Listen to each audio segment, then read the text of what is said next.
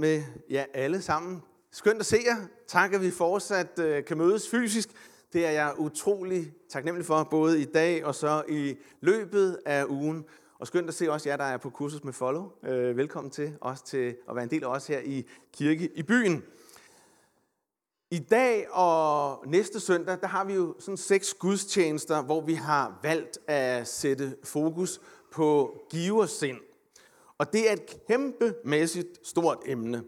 Lars Bo Olesen, øh, som er vores øh, forstander på Bibelskolen her, og ledende præst i Åben Kirke, han taler på næste søndag formiddag. Og om aftenerne, der vil Mike øh, Wilson og Kate Favre øh, tale til os. Så det bliver fire forskellige vinkler på et stort tema.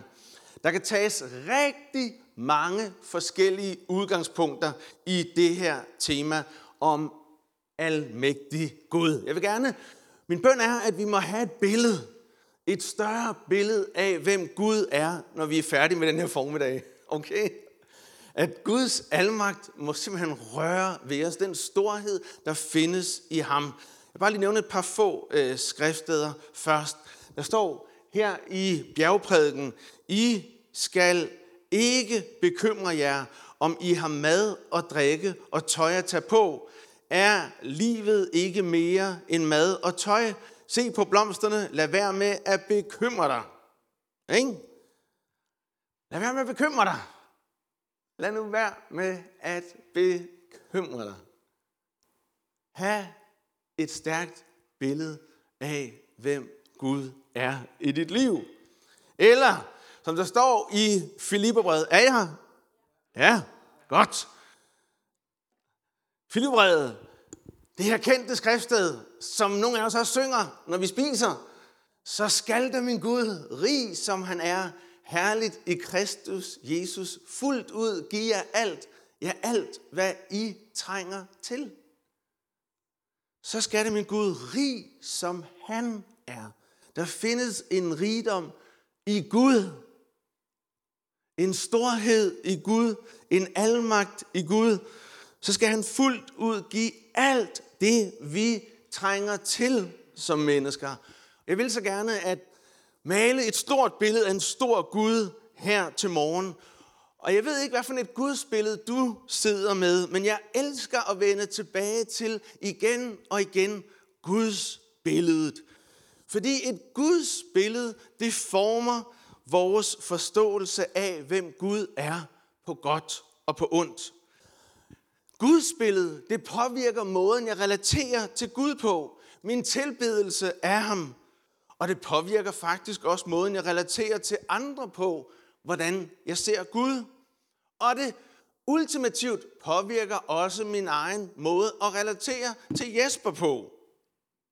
Bærer jeg et gudsbillede af en Gud, som sørger for mig, som sørger godt for mig, som jeg gør, at jeg ikke har brug for at bekymre mig for dagligdagens gøremål. Det var det, vi læste allerførst i bjergprædiken. Jeg har en del, jeg gerne vil sige, så derfor så, så klør jeg bare på. Er det okay? Ja. Har vi et gudsbillede, som er så stort, så han er i stand til at sørge for os i dagligdagen. Altså dagligdagen er der bare flest af. Hverdagen er der bare flest af. At han giver os mad at spise. Giv os i dag vores daglige brød. Det er bjergprædiken alle de her skønne steder. Har vi et gudsbillede af, at Gud er en rig Gud? Han sørger for fuglene. Er I ikke mere værd end gråsburen, eller solsorten Se på blomsterne, dem sørger Gud for. De visner ikke, de blomstrer. Er I ikke mere værd end dem? Det der spurgt om af Jesus i bjergprædiken retorisk. Bærer jeg på indersiden det her billede af Gud, som er rig, så skal da min Gud, rig som han er, fuldt ud give jer alt. Gud er ikke fattig.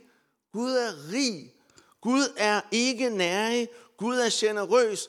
Gud er ikke sparsomlig. Gud er givende. Gud er overvældende. Jesus selv åbenbaring er noget over noget. Der findes en herlighed, en storhed, en skønhed i Gud. Og hvad for et billede bærer vi af ham her til morgen? Jeg vil gerne sige til dig, at et forkrøblet gudsbillede skaber forkrøblede mennesker.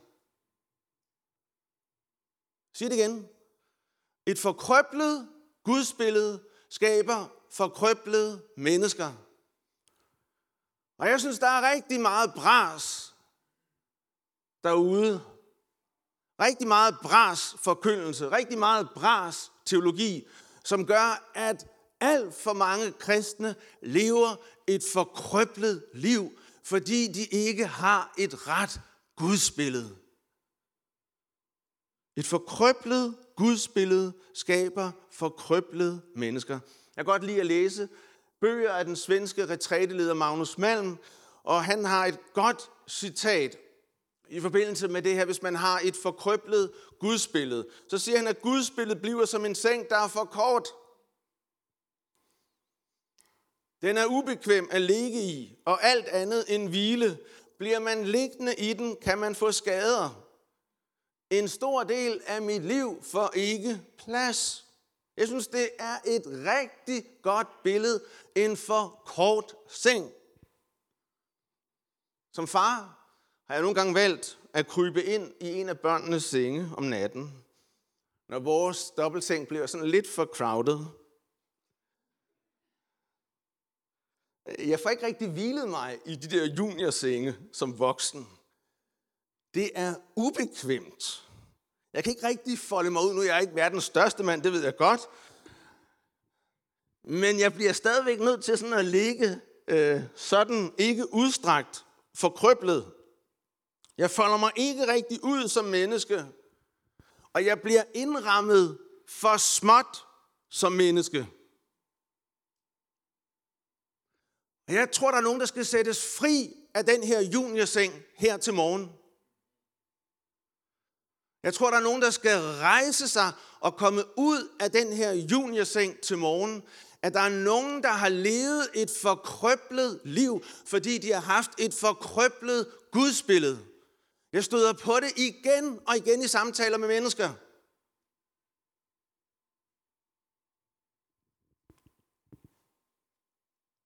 Ret gudsbillede. Hvem er Gud egentlig? Det bedste gudsbillede, tror jeg, du får, er ved at læse Guds ord, Bibelen.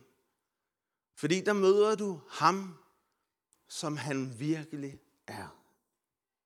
Ved at forstå, at i begyndelsen var ordet, og ordet var hos Gud, og ordet var Gud. Han var i begyndelsen hos Gud. Og alt, siger Johannes kapitel 1 og vers 1, blev til ved ham. Og ordet tager bolig, kommer til os i kød og blod, kommer i Jesus, fuld af noget og sandhed. Og Johannes Støberen aflægger vidnesbyrd om Jesus som en, der gik rundt på jorden og gjorde vel, fuld af noget og sandhed. Derfor er det så vigtigt, at jeg som kristen har kærlighed til Guds ord. At have kærlighed til Guds ord er at elske Gud med sit sind og sine tanker. At elske Jesus. Jesus selvåbenbaring, altså, er I med? Er det okay? Kom ud af sengen. Jesus selvåbenbaring, altså hvem han siger er, jeg er det brød, der giver liv. Ingen af dem, der kommer til mig, vil nogensinde sulte, og den, der tror på mig, vil aldrig mere tørste. Johannes 6, 35. Det er sagt ind i en sammenhæng, hvor folk søger at blive mætte og få slukket tørsten af noget mere midlertidigt. Og Jesus siger, Guds brød, det der kommer fra himlen, er det sande brød. Det er det brød, der giver liv i verden. Det er det brød, der mætter. Og Jesus minder om, at Gud, hans far, siger han, gav dem brød i ørkenen at spise. Israels folk, da de var i ørkenen. Det kunne godt være, det var Moses, det var lederen. Der var den ledende præst. Men det var ikke ham, der gav dem brød. Det var hans far i himlen, der sørger godt for os, som sørger rigeligt for os, som sørger tilstrækkeligt for os. Det kan godt være, at vi som mennesker har oplevelsen af en mangel i vores liv. Men Gud møder os midt i vores mangler, midt i vores sult, med hans livgivende brød. Med hans himmelske brød mætter han os med, og med hans livgivende vand giver han os, så vi kan drikke af det og ikke skal tørste. Jeg vil så gerne, at kirkebyen er optaget af Jesus. At han står helt centralt og knivskarpt for os. At det drejer sig om ham.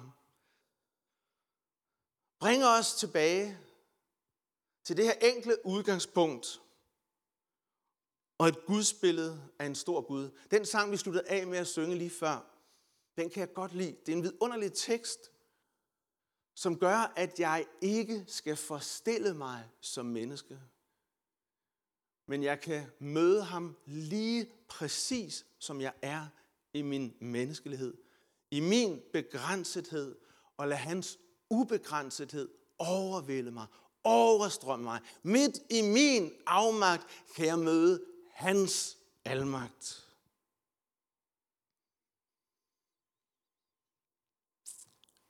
Det er sjældent, der er så stille som her til formiddag. I lytter. Det er godt. Når vi udfordrer mennesker på efterfølgelse af Jesus, så er det efterfølgelse af en person, der inkarnerer liv.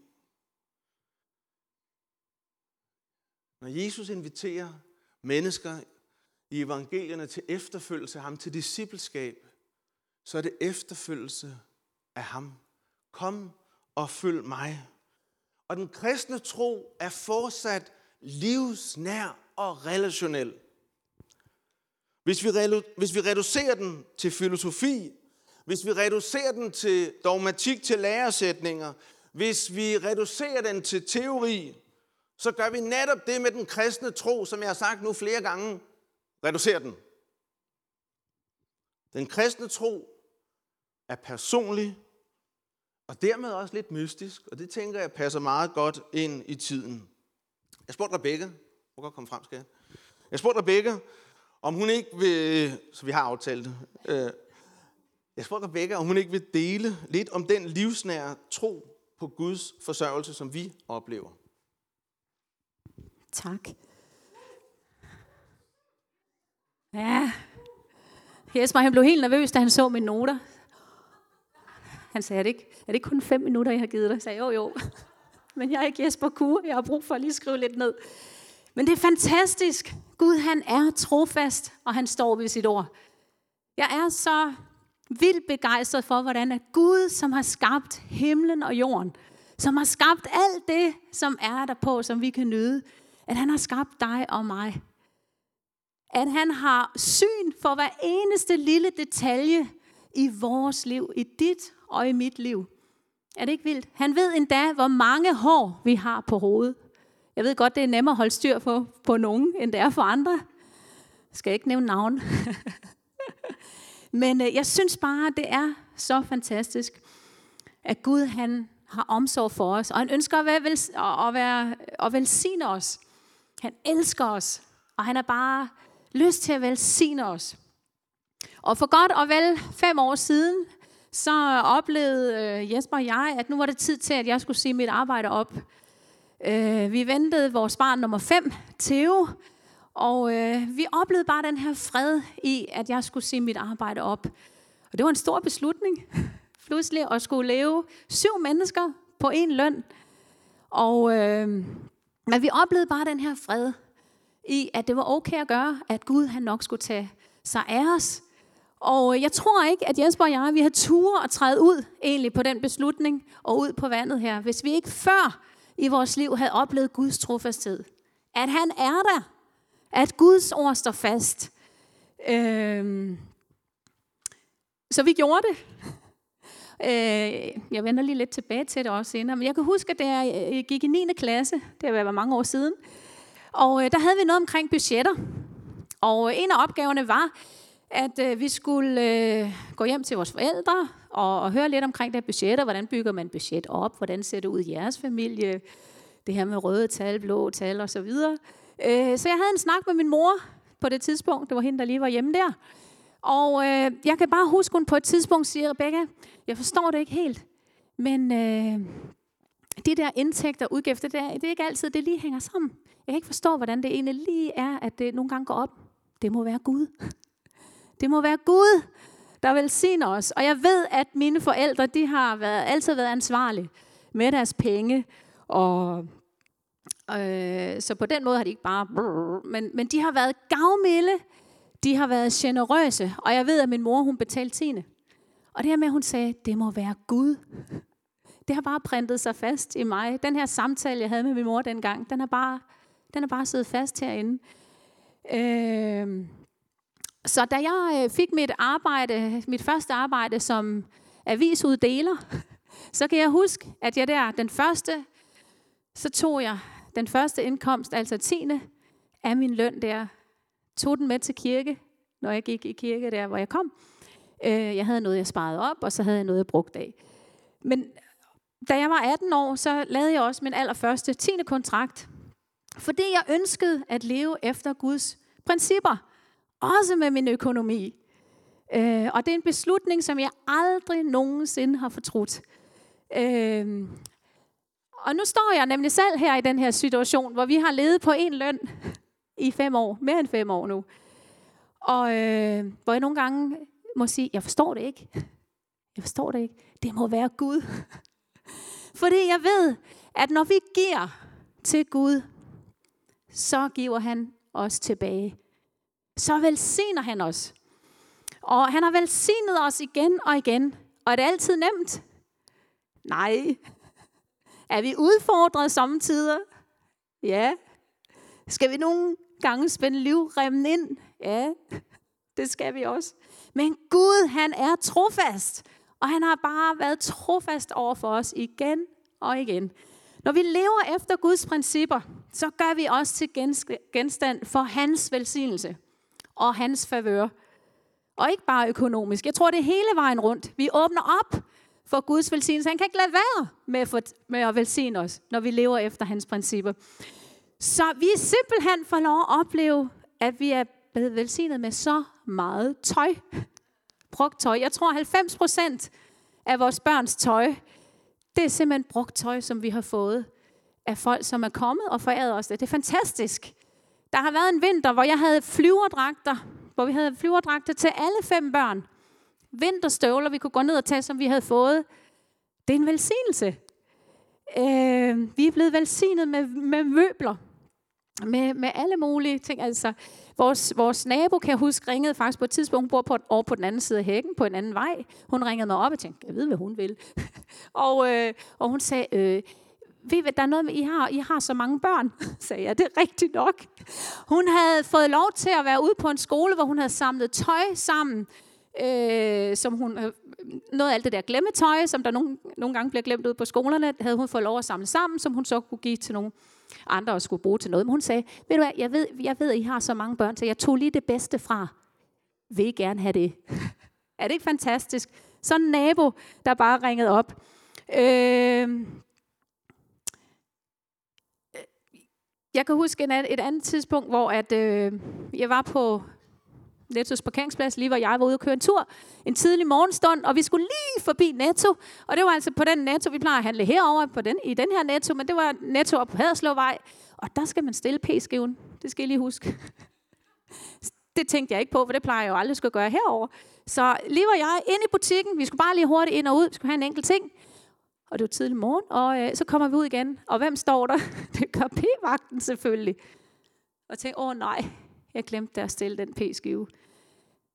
Han kommer hen, han siger, øh, ja, I har været inde i Netto, har I ikke det? Jo, det har vi. Ej, vi skulle bare lige ind og ud og have en ting. Jamen, det tænker jeg nok, sagde han så. Så jeg giver jer ikke nogen bøde. Bare lige husk at stille p-skiven næste gang. Øh, jeg tror ikke, det er en tilfældighed, alt det her, nogle gange. Jeg tror, det er Guds favør. Det er også den måde, Gud han velsigner os på. Vi skal selvfølgelig huske at gøre de ting, vi skal. Men jeg tror nogle gange, at Gud han også han velsigner os på den måde.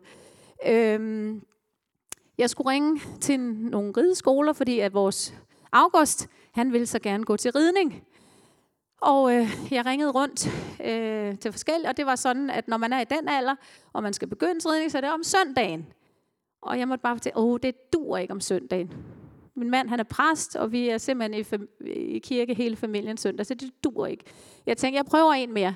Jeg ringede til en anden bi, øh, rideskole, og hun siger så, det, øh, så sagde jeg sådan og sådan, det skal helst ikke være en søndag. Så jeg, det er søndagshold, vi har. Men, sagde hun så, vi har lige, vi har snakket om, at vi egentlig nok skulle starte et ugehold op. Hvad kunne du tænke dig? Hvad vil passe ind hos jer? Og jeg var lige ved at falde ned af stolen. Jamen, det vil være en torsdag. Og hvad tid på dagen, cirka? Jamen, det var så sidst på eftermiddagen. De startede et hold op torsdag sidst på eftermiddagen. Det kunne være en tilfældighed, det tror jeg ikke. Jeg tror, det er Guds favør over vores liv. Nogle gange det her. At vi oplever det på den måde. Og, og øh, jeg havde et eksempel, er nok også det Jesper han gerne, egentlig vil have, vil jeg gerne vil, skulle have delt. Det kommer nu her til sidst. Øh, fordi det er stadigvæk, det er ikke altid bare juhu, og fordi vi ved, at vi giver, og Gud, vi ved, at Gud er trofast, og han velsigner. Der står vi også nogle gange der, uh, uh, uh, og skal holde lidt igen, og jeg, havde, jeg kan huske, jeg havde, altså det der med piger og sko, ikke? Altså vi kan godt lide sko, er det ikke rigtigt? Sko og støvler, og jeg går der og holdt tilbage, for jeg synes, nej, jeg synes ikke lige, der var råd til at, at købe, købe det. Nå, men der var en formiddag, hvor jeg var hjemme, og jeg gik og bad, og jeg tænkte, Ej, Gud, jeg synes, der var så mange udgifter, og jeg synes, vi, jeg synes, det var, der er lidt meget med bilen og med huset. Og, så øh, jeg gik ud efter min pung, og så sagde jeg, Gud, jeg løftede den op, helt bogstaveligt talt. Gud, du har lovet, at der aldrig skal mangle noget. Du har lovet for os, at der skal være nok til hver dag. Amen. Jeg sagde, jeg ved godt, du ved det. jeg har bare lige brug for at løfte den her op. Nå, så øh, om eftermiddagen, så tækkede der en besked ind på min telefon. Og øh, der stod der, det var fra min søster, og der stod, Rebecca, jeg har lige sat nogle penge over, som øh, der er en mand, som har bedt mig om at sende til dig. Til et par nye sko. Jeg stod bare, okay Gud, du ser os, og du vil velsigne os. Jeg synes bare, det var så vildt. Det var en mand, som ikke sådan kendte til vores øh, situation. Jeg havde været til en konfirmation i vores familie, og det var en gæst, der havde været der. Om han synes, jeg havde nogle grimme sko på, det kan da godt være. Men det er fantastisk. Og, jeg synes bare, og sådan har vi bare oplevet igen og igen. Så jeg vil bare opmuntre jer til ikke at holde tilbage, men giv, hvad der er Guds, og lev i gavmildhed og generøsitet. Og Gud, han vil velsigne. Ikke bare økonomisk, men hele vejen rundt. Amen.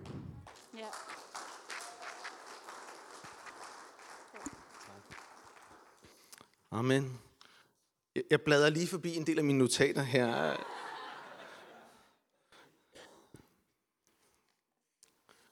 Hvornår skal du prædike i kirken?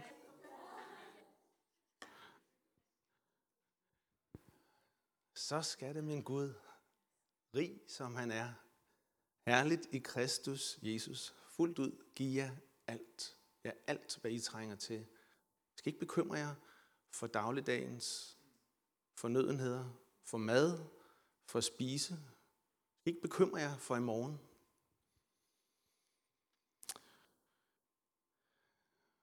Jeg vil have taget med jer en lille dialog, der er mellem Abraham og Gud. Og det gudsbillede, som Abraham bærer i bøn. I kan læse det selv derhjemme, øh, hvis I har lyst. Det er fra 1. Mosebog kapitel 15, vers øh, 1-7. I stedet for vil jeg bare her til sidst trække et skriftet frem fra Hebræerbrevet 11.3, som er kommet til at betyde rigtig meget for mig. De to verdener, den synlige og den usynlige verden.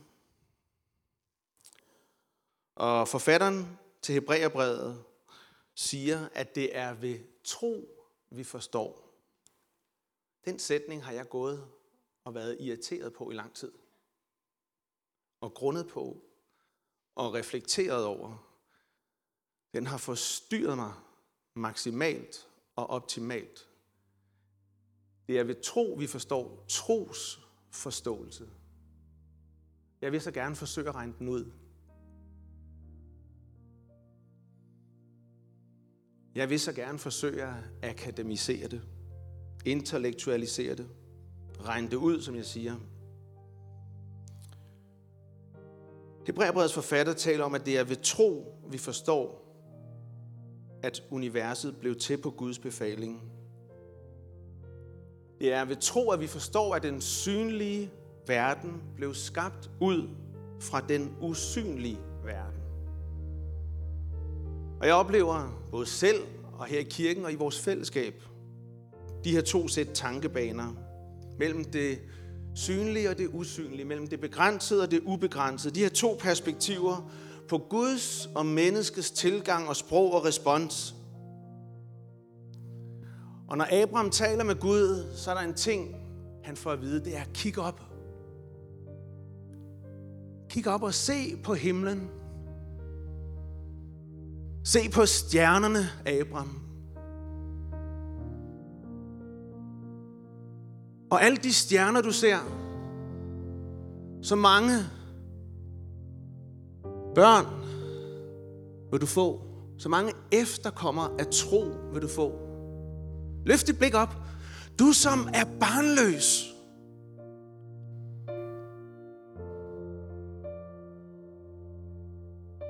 Kampen mellem det usynlige og det synlige, mellem det ubegrænsede og det begrænsede, mellem det store og det små. De to vidt forskellige perspektiver, som clasher og støder ind i hinanden i en kæmpe ulighed og uoverensstemmelse. De her to planeter, der næsten tales fra. Og så i Abrams tilgang til Gud. Almægtig Herre. Har ingen børn. Og kigger op på den stjernehimmel, og det løfte, der er lige derude, og som skal invadere ham og hans tro,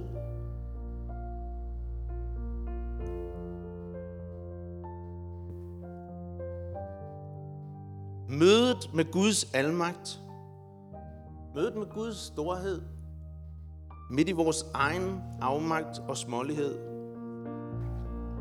Og så få den åbenbaring. Bære den på indersiden i sit liv. Almægtig Gud. El Shaddai er det hebraiske ord for det. Det findes, jeg har lavet et ordstudie af det, 48 gange. Langt de fleste af de gange, 31 gange, bruges El Shaddai i Jobs bog. Det kan jeg godt forstå. For det er en bog med lidelse og kamp og smerte, hvor han har brug for igen og igen at have en frisk åbenbaring af Guds almagt, af Guds storhed, af Gud, som bærer igennem. Og kun 17 gange finder vi det så i de andre 65 bøger. Og selvfølgelig giver det stor mening at have en åbenbaring af Guds almagt ind i vores egen afmagt.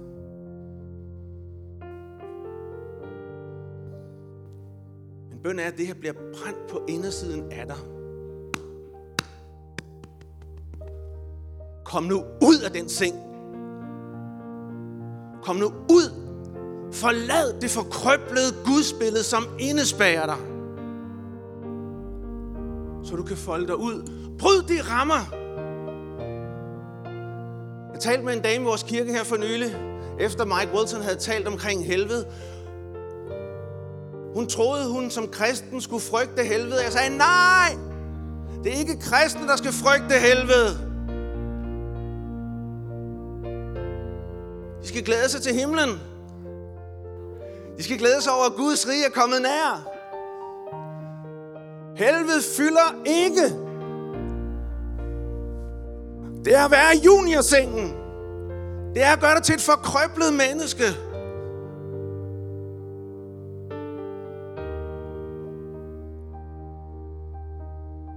Skal vi rejse os op? Bede.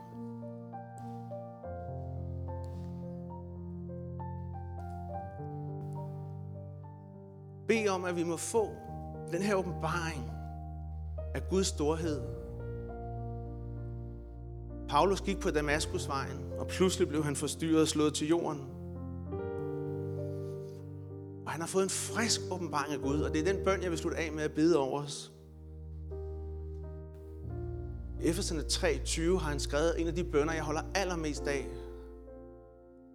Nu til ham, som ved sin kraft virker i os, og som er i stand til at udføre sit formål, og til at gøre langt ud over og oven til alt det, som vi tør spørge om, bede for, tænke på, vores længsler, tanker, håb og drømme, til ham være al ære i kirken og i Kristus Jesus gennem alle generationer for evigt og for altid. Himmelske Far, jeg beder om, at du ved Helligånden giver sådan en frisk åbenbaring. Udvid vores hjerter. Forny vores sind og vores tanker om, hvem du er, Gud. Mal et stort billede af din almagt. Af din ubegrænsethed. Af alt den rigdom, der findes i dig. Al den skønhed, al den nåde, al den tilstrækkelighed og rigelighed, vi tilbeder dig, og vi ærer dig i Jesu Kristi navn.